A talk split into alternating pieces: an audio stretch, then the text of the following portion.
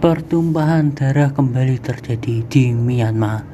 Demonstran anti kudeta di Myanmar tewas akibat luka tembak pada Senin 3 Maret 2021. Aksi protes hari ini dilakukan di tengah kampanye mogok masal yang digaungkan sehingga toko-toko pabrik dan bank ditutup di kota utama Yangon seperti dilansir Reuters Senin 8 Maret 2021 melalui Facebook sebuah foto menunjukkan mayat dua pria tergeletak di jalan di kota utara Mitikiani. Saksi mata mengatakan mereka ikut serta dalam protes ketika polisi menembak granat keju dan gas air mata. Beberapa orang kemudian terkena tembakan dari gedung-gedung di dekatnya.